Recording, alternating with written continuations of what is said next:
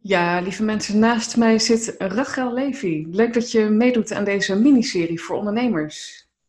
Graag gedaan, leuk. En uh, Rachel die is eigenaar van uh, Huis van Verbeelding, onder andere.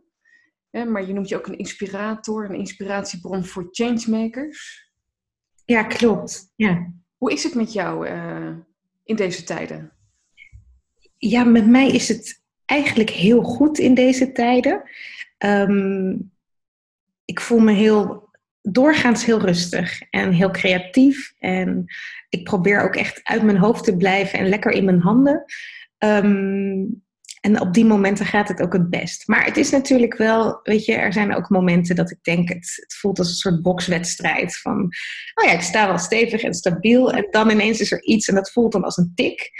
En dat je weer even aan het wankelen bent. Um, maar over het algemeen voel ik me in die boxring wel veerkrachtig.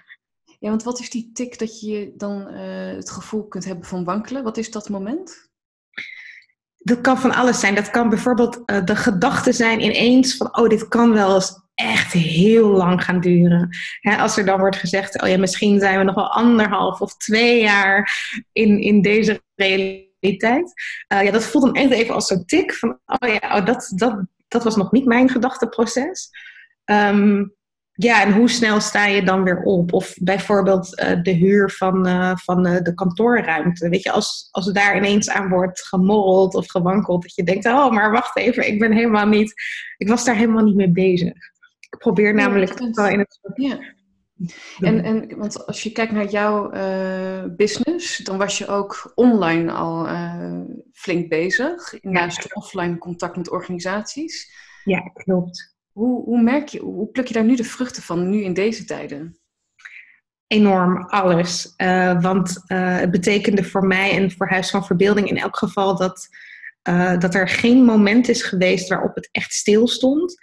en in die zin heb ik ook niet die enorme angst en onzekerheid doorgemaakt die veel andere ondernemers wel op dit moment ervaren. Um, dus er is altijd uh, iets dat gewoon doorgaat. En ik moet dan wel zeggen dat we waren natuurlijk ook enorm actief juist in die bedrijven. Uh, met sessies begeleiden, dat soort dingen. En dat heeft natuurlijk een enorme klap gehad. Maar dat, er, dat daar tegenover dus mensen, juist nu ze veel meer online zijn, uh, ook ons online gewoon goed weten te vinden. Ja, daar ben ik enorm dankbaar voor. Absoluut. En dat heb je dan in, uh, wat, hoe lang heb je daar de tijd voor gehad of, ja, uh, om dat op te bouwen voor jezelf? Um, dus online publiek hebt, zullen we maar zeggen, online klanten aantrekt? Ja, dat, dat is op zich vrij snel uh, gegaan. Maar ik, ik, ja, de academie die wij hebben, die staat nu drie jaar. Um, dus inmiddels is er wel een, grote groep mensen die we al aan ons hebben kunnen binden. En dat zijn ook echt ambassadeurs, want die kennen de cursussen, die zijn daar enorm enthousiast over. Dus als ik nu iets deel over een cursus, dan weet ik ook dat dat van mond tot mond gaat. Ja. Um, en dat is vaak het, het, dat zijn de allerbeste leads die je kunt krijgen. Mensen die het van iemand hebben gehoord. Um, ja. Wat zijn, de, wat zijn, heb jij tips voor mensen? Want ik zie ook heel veel creativiteit in deze tijden, Rachel. Mhm. Van, van je coronaspel wat je hebt ontwikkeld tot... Uh, ja, alles. Ja, ik voel me ook enorm creatief. Ja. ja, wat is mijn tip daarin? Um... Wat, wat, even daarin inderdaad dat je je heel erg creatief voelt. Je hebt natuurlijk mensen die op slot raken, juist in deze periode. Of echt ja. verstilling opzoeken. En bij jou zie je heel erg activatie, opstaan en, en initiatieven uh, uitvoeren, uh, ideeën die je hebt doen. En tenminste, ja, zo komt dat bij mij over. Uh, dat, is ook, dat is ook zo, dat is het ook. Um, ja, wat, wat mij daarbij helpt is dat ik weet dat de momenten waarop ik bevries, zijn de momenten dat ik heel erg in mijn hoofd ga zitten. En dit is niet een tijd waarin je dingen kunt oplossen met je hoofd. Je kan dingen niet verklaren, je kan dingen niet voorspellen. Je kan um, in die zin, je kan natuurlijk wel een strategie uitwerken, maar dat is beperkt. Want er zijn maar een paar knoppen waar je nu zelf aan kunt draaien. En heel veel knoppen, daar heb je gewoon geen invloed op. Dus wat ik echt probeer te doen, is uit dat hoofd te zakken. En uh, door gewoon in mijn handen letterlijk te gaan zitten. En dat is in mijn geval heel vaak via het tekenen. Um, ja, blijf ik dus uit de blokkerende gedachten stromen en zit er gewoon ja, automatisch creatie in. En bij mij geldt het over het algemeen zo, als ik eenmaal op een golf surf, dan, dan pak ik hem ook. Dus voel ik me creatief, dan ga ik door, dan stop ik niet. En als er dan een dag tussen zit, en die heb ik ook, uh, waarop ik voel van nou, dit, deze dag kan ik opgeven, uh, dan geef ik het ook op. Dan ga ik daar niet uh, tegen vechten, dan ga ik gewoon lekker wandelen. Ehm, ja, ja. Wat gebeurt er bij jou als je dan in die creatieve flow zit? Wat, wat maakt dat je daarin komt? Ja, doen. doen. Door, door, door dus ergens te starten. Wat... te pakken en dan ja.